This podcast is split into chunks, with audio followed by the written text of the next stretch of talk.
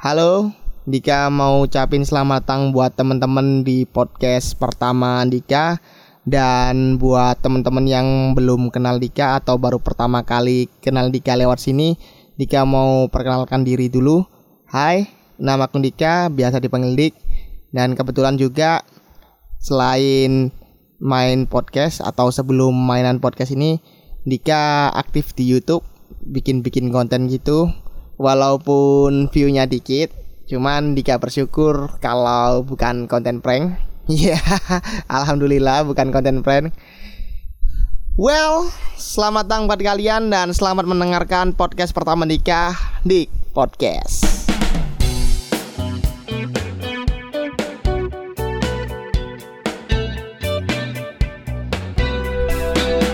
Well, di episode pertama ini Nika masih belum tahu mau ngebahas apa.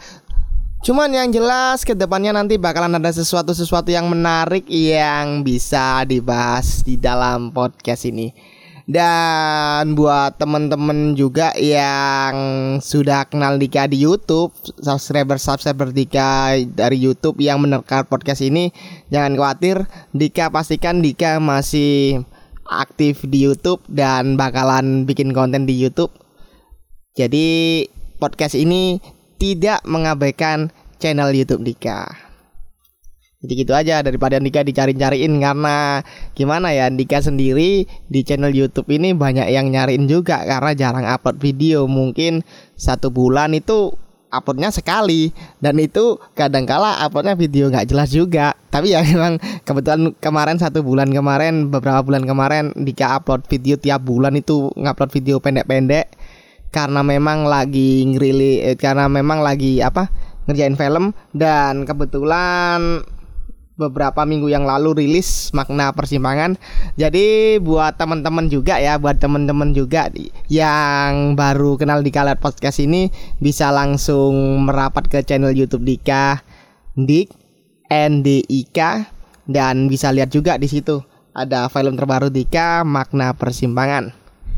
Ya, filmnya soal bercerita tentang apa? Jadi film ini sedikit menceritakan tentang pribadi Dika. Jadi buat yang belum nonton, tonton aja lah. Nanti kan tahu-tahu sendiri ceritanya tentang apa. Oke, balik lagi ke podcast. Dan ngomong-ngomong soal kata pertama, tentunya kata pertama adalah kata-kata yang mungkin bakalan jadi sesuatu yang berkesan akan selalu kita ingat-ingat karena itu sebagai apa ya sebagai acuan titik awal kita melangkah ke depannya. Jadi kayak pertama kali bisa jalan pertama kali bisa membaca pertama kali bisa naik motor pertama kali bisa naik mobil punya pacar pertama kali.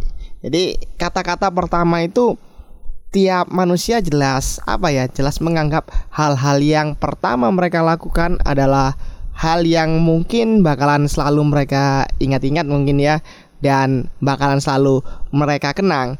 Jadi ngomong-ngomong soal pertama ini juga di kemudian hari setelah sekian lama ketika kita mengingat-ingat lagi ke sesuatu yang pertama dulu, pastinya kita bakalan apa ya? Bakalan merasa kalau kita bisa sampai sejauh ini. Dan mengingatnya juga, mengingatnya juga itu terkadang bisa jadi hal yang begitu menyenangkan walaupun kadangkala ada juga sih ada juga pengalaman pertama seseorang tidak apa ya tidak melulu bahagia. Ada juga pengalaman pertama yang menimbulkan rasa sedih atau rasa trauma mendalam sehingga orang tidak ingin memanggil lagi kenangan kenangan melakukan hal pertama yang membuat mereka merasa seperti itu.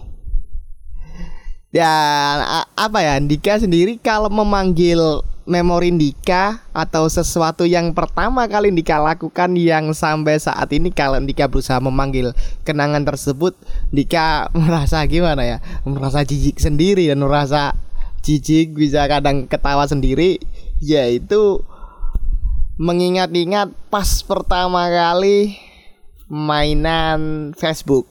Pas pertama kali punya akun Facebook. Wah pas pertama kali punya akun Facebook sampai sekarang kalau diingat-ingat itu waduh. Rasanya dulu sih biasa-biasa aja ya bangga-bangga aja. Cuma kalau sekarang-sekarang dikapikir lagi ingat-ingat lagi rasanya kok bisa seperti itu loh? Iya bener kok bisa? Waktu itu Facebook itu seperti tempat apa ya? Tempat galau gitu tempat bersedih tempat kumpulan me, apa ya mengungkapkan perasaan mengungkapkan keresahan di dalam sana. Cuma ya kadang kala ya itu tadi. Padahal umur nikah waktu itu kalau nggak salah mainan Facebook umur berapa ya? Sekitar uh, kelas 2 SMP itu umur berapa sih? Kalau kelahiran 95 pokoknya itulah kelas 2 SMP mainan Facebook Waduh, rasanya di Facebook itu isinya sedih mulu. Rasanya kak pengen mati mulu di status di Facebook nikah dulu. Tulisannya kalau galau, menggalaui seseorang dengan tulisan-tulisan khas anak-anak Facebook zaman dulu aku Aki kamu KMUs dan seperti itu. Tapi makanya sampai sekarang kalau nikah mengingat-ingat ya nikah baca ini kebetulan baca di Facebook ini kalau mengingat nih aduh parah banget dulu parah banget. Bisa dibilang dulu Dika adalah orang teralay di dunia. Dikit-dikit bikin status Facebook dikit-dikit mengeluh di Facebook ih panas nih. Ih kamu kok gitu sih? Ih dia tidak pernah memperhatikan aku. Dikit-dikit bikin gitu. Sampai-sampai kalah itu cewek itu sama Dika beneran? Sampai dikit-dikit bikin status status status galau dan dengan tulisan-tulisan khas anak alay pada zamannya. Astaga. Jadi apalagi nih kayak ingat sekali awalan awalan kata awal kalimat di awalan titik huruf kecil lalu huruf kedua huruf besar lalu huruf kecil lagi. Gitu terus. Dan huruf A kadang-kadang nikah ganti dengan angka 4 astaga sampai nikah mengingat-ingat aduh. Kayak tai tahu nggak nikah dulu? Sumpah nikah merasa kayak gitu. Cuman well namanya waktu itu memang lagi seneng-senengnya kan waktu pertama kali mainan Facebook dulu memang lagi seneng-senengnya. Kita nggak sampai memikirkan hal seperti itu. Jadi apa yang kita lakukan waktu itu ya wajar-wajar aja. Karena memang yang kita lihat di dalam Facebook sana juga melakukan hal yang sama seperti kita. Jadi wajar-wajar aja. Cuma makin ke sini makin tua kalau lihat-lihat status-status lama itu menjijikan banget. Benar. Dan selain itu ada pengalaman pertama juga, pengalaman pertama juga yang begitu berkesan buat Dika. Uh, waktu pertama kali pindah rumah, waktu itu tahun 2009 Dika pindah rumah dari rumah Dika yang lama ke rumah Dika yang baru ini. Dan Dika merasa bahagia di sini karena pertama kali bisa punya temen yang banyak punya temen yang banyak. Karena memang di tempat tinggal Dika yang sana Dika sedikit punya temen dan jarang jarang nongkrong sama temen-temen. Dan baru pindah ke sini langsung punya temen-temen nongkrong. Di sini Dika merasa seneng banget. Jadi tiap pulang sekolah nongkrong sama teman-teman Dika di halaman e, di sawah-sawah belakang rumah. Kebetulan waktu itu masih sawah-sawah belum banyak perumahan seperti sekarang. Pulang sekolah nongkrong. Terus malam-malam nongkrong ke warnet bareng-bareng sama teman-teman Dika di sini. Dan rasanya seneng banget bisa kenal mereka dan bisa ke warnet bareng-bareng gitu. Jalan kaki bareng-bareng. Well walaupun sekarang ya namanya gimana ya? Makin umur ya makin dewasa makin banyak kesibukan masing-masing. Mereka jadi berpencar berpencar sendiri-sendiri karena ya memang kesibukan dan nggak bisa nuntut juga kita untuk bisa kumpul-kumpul seperti dulu lagi rasanya sangat sulit. Ya mungkin bisa itu pun kalau ada waktu luang dan sama-sama punya waktu luang di antara kita semua bisa kumpul-kumpul bareng.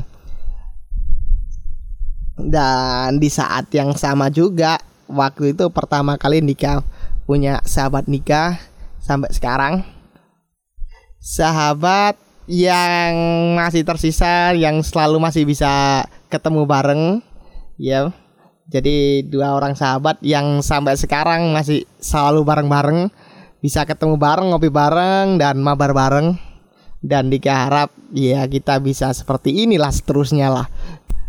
Karena Dika sendiri gimana ya? Dika sendiri punya ketakutan akan ya bisa dibilang ketakutan uh, ditinggal sahabat-sahabat Dika ya dalam artian ditinggal itu jarang ketemu bisa jarang komunikasi bareng jarang main-main bareng. Itu Dika punya ketakutan ketika ketakutan tersebut. Cuma ya nggak menutup kemungkinan juga karena memang kita bertiga ini makin tua ya makin punya kesibukan masing-masing. Apalagi jika berumah tangga nanti jadinya ya punya urusan sendiri-sendiri lah tapi ya paling nggak Dika berharap kalau kita bertiga masih tetap komunikasi sampai sekarang. Dan itu harapan Dika harapan Dika ke depannya. Ya semoga aja. Amin. Dan ada hal pertama juga yang sampai sekarang Dika benar-benar ingat dan itu begitu berkesan yaitu saat pertama kali bisa apa mengoperasikan Adobe Photoshop. Waktu pertama kali bisa mainan Photoshop. Dia ingat banget waktu itu kalau nggak salah pertama kali mainan Photoshop itu Photoshop versi berapa ya? Versi 4 kalau nggak versi 5 yang gambar mata hijau kalau nggak salah. Iya versi 4. Dan pertama kali bisa mainan Photoshop. Wah, waktu itu suka ngedit-ngedit kepala gitu, kepala artis, diganti kepalanya dengan kepalanya teman-teman Dika gitu buat lucu-lucuan. Meleset melesetin meleset melesetin produk kayak Superman jadi Superman nah seperti gitu-gitu. Jadi extra jos jadi extra bos seperti gitu-gitu. Edit-edit gitu dan ngedit-ngedit partai ya nggak? Bikin-bikin edit apa ya bikin baliho partai diedit pakai fotonya teman-teman Dika. Well itu memang menyenangkan banget waktu itu. Itu adalah pertama kali bisa Photoshop seperti itu. Sama-sama sampai sekarang mengingat mengingatnya sampai bikin ketawa juga. Iya kalau nggak salah waktu pertama kali yang Dika ingat adalah sering bikin baliho partai waktu itu dan setelah apa ya setelah uh, pertama kali bisa Photoshop ada juga hal yang berkesan lainnya yaitu pertama kali bikin video. Wah, ini hal yang pertama kali bikin video tentunya adalah hal yang berkesan juga pertama kali punya handphone. Waktu itu Sony Ericsson W berapa ya? Yang jelas Sony Ericsson kok waktu itu Sony Ericsson itu HP pertama nikah dan kerjaannya itu wah ngerekam video aja. Uh, teman-teman nongkrong direkam. Teman-teman di kereta direkam. Teman-teman pulang ke warnet yang sepeda dikarekan dan upload gitu. Ya walaupun tahu kalau bakal nggak nonton cuma seru aja. Dan pertama kali yang bikin berkesan juga bisa ngedit dikasih tulisan awalan dikasih tulisan seperti itu. Memang wah keren. Jadi itu adalah awal sampai Dika bisa bikin film dan bikin channel YouTube sekarang yaitu awalnya yaitu tadi. Dari ngerekam teman-teman Dika nongkrong ngerekam teman-teman Dika pas perjalanan ke mana lewat handphone dengan kualitas resolusi yang jelek banget. Dari situ berawal sampai Dika bisa punya YouTube dan bikin film yang bisa dinikmati penonton eh, dinikmati viewer viewer Dika dan dinikmati subscriber subscriber Dika. Well, mengesankan sekali. Ya, setelah itu apa ya? Ada juga hal pertama yang sama sekarang mungkin mempengaruhi harinya Dika, mempengaruhi kehidupan Dika juga. Pertama kali kenal seseorang yang Dika merasa cukup berpengaruh dalam hidup Dika. Sampai sekarang Dika selalu mengingat-ingat orang tersebut. Karena karena apa ya? Karena sese seseorang itu Dika gimana ya? Dika nggak pernah ragu lagi untuk berkarya. Karena waktu itu Dika menciptakan sesuatu namun Dika tidak punya keberanian untuk mempertontonkan karya Dika. Jadi Dika berkarya, kami Dika simpen sendiri. Dan semenjak kenal seseorang ini, jadi Dika lebih apa ya? Lebih memahami apa itu arti berkarya. Dan sampai sekarang akhirnya punya karya apa Dika nggak henti-henti bikin karya lah ya terlepas walaupun nggak banyak penikmatnya cuma Dika merasa puas aja bisa berkarya dalam banyak hal. Dari berkarya lewat gambar berkarya lewat desain berkarya lewat video berkarya lewat podcast ini juga. Itu karenanya karena seseorang itu jadi seseorang ini punya tempat sendiri lah di pikiran Dika. Yang Dika simpan rapi untuk dia karena karena dia telah merubah banyak sesuatu yang ada di dalam diri Dika dan mempengaruhi kehidupan Dika sampai sekarang. Jadi jika ditanya siapa toko inspirasi Dika, mungkin toko inspirasi Dika bukan orang-orang terkenal di dunia, tapi orang biasa yang benar-benar bisa mempengaruhi kehidupan Dika. Terima kasih buat orang tersebut yang mungkin mendengarkan podcast kali ini. Ting. Dan mungkin juga Dika bakalan memasukkan daftar hal pertama di hari ini karena di hari ini juga Dika pertama kali uh, menangani orderan foto produk, menawari pekerjaan foto produk. Sebelumnya Dika belum pernah sama sekali mengerjakan produk shot sebuah brand dan ini adalah pertama kali Dika mendebit apa Dika menerima kerjaan produk shot. Sebelumnya Dika ragu-ragu sih, cuma ya coba aja lah tambah-tambah pengalaman baru dan well seperti yang Dika katakan sejak awal tadi karena hal pertama bisa menentukan kita ke depannya dan hal pertama itu juga menimbulkan kesan yang begitu menyenangkan yang akan selalu Dika kenang. Ya. Hal tadi hari ini pertama kali produk shot dan sekali lagi punya pengalaman baru. Jadi dari sini kita bisa belajar kalau jangan pernah takut untuk memulai sesuatu yang baru, sesuatu yang belum pernah kalian kerjakan. Jangan pernah takut memulainya karena sesuatu yang belum kalian kerjakan dan kah kalian berusaha untuk mengerjakannya dan berusaha untuk belajar ke dalam sana bakalan jadi sesuatu yang pertama dan akan selalu kalian kenang dan bakalan begitu menyenangkan untuk dikenang dan hal baru yang pertama kali kalian lakukan ke depannya akan jadi hal yang akan selamanya mempengaruhi kehidupan kalian ke depannya.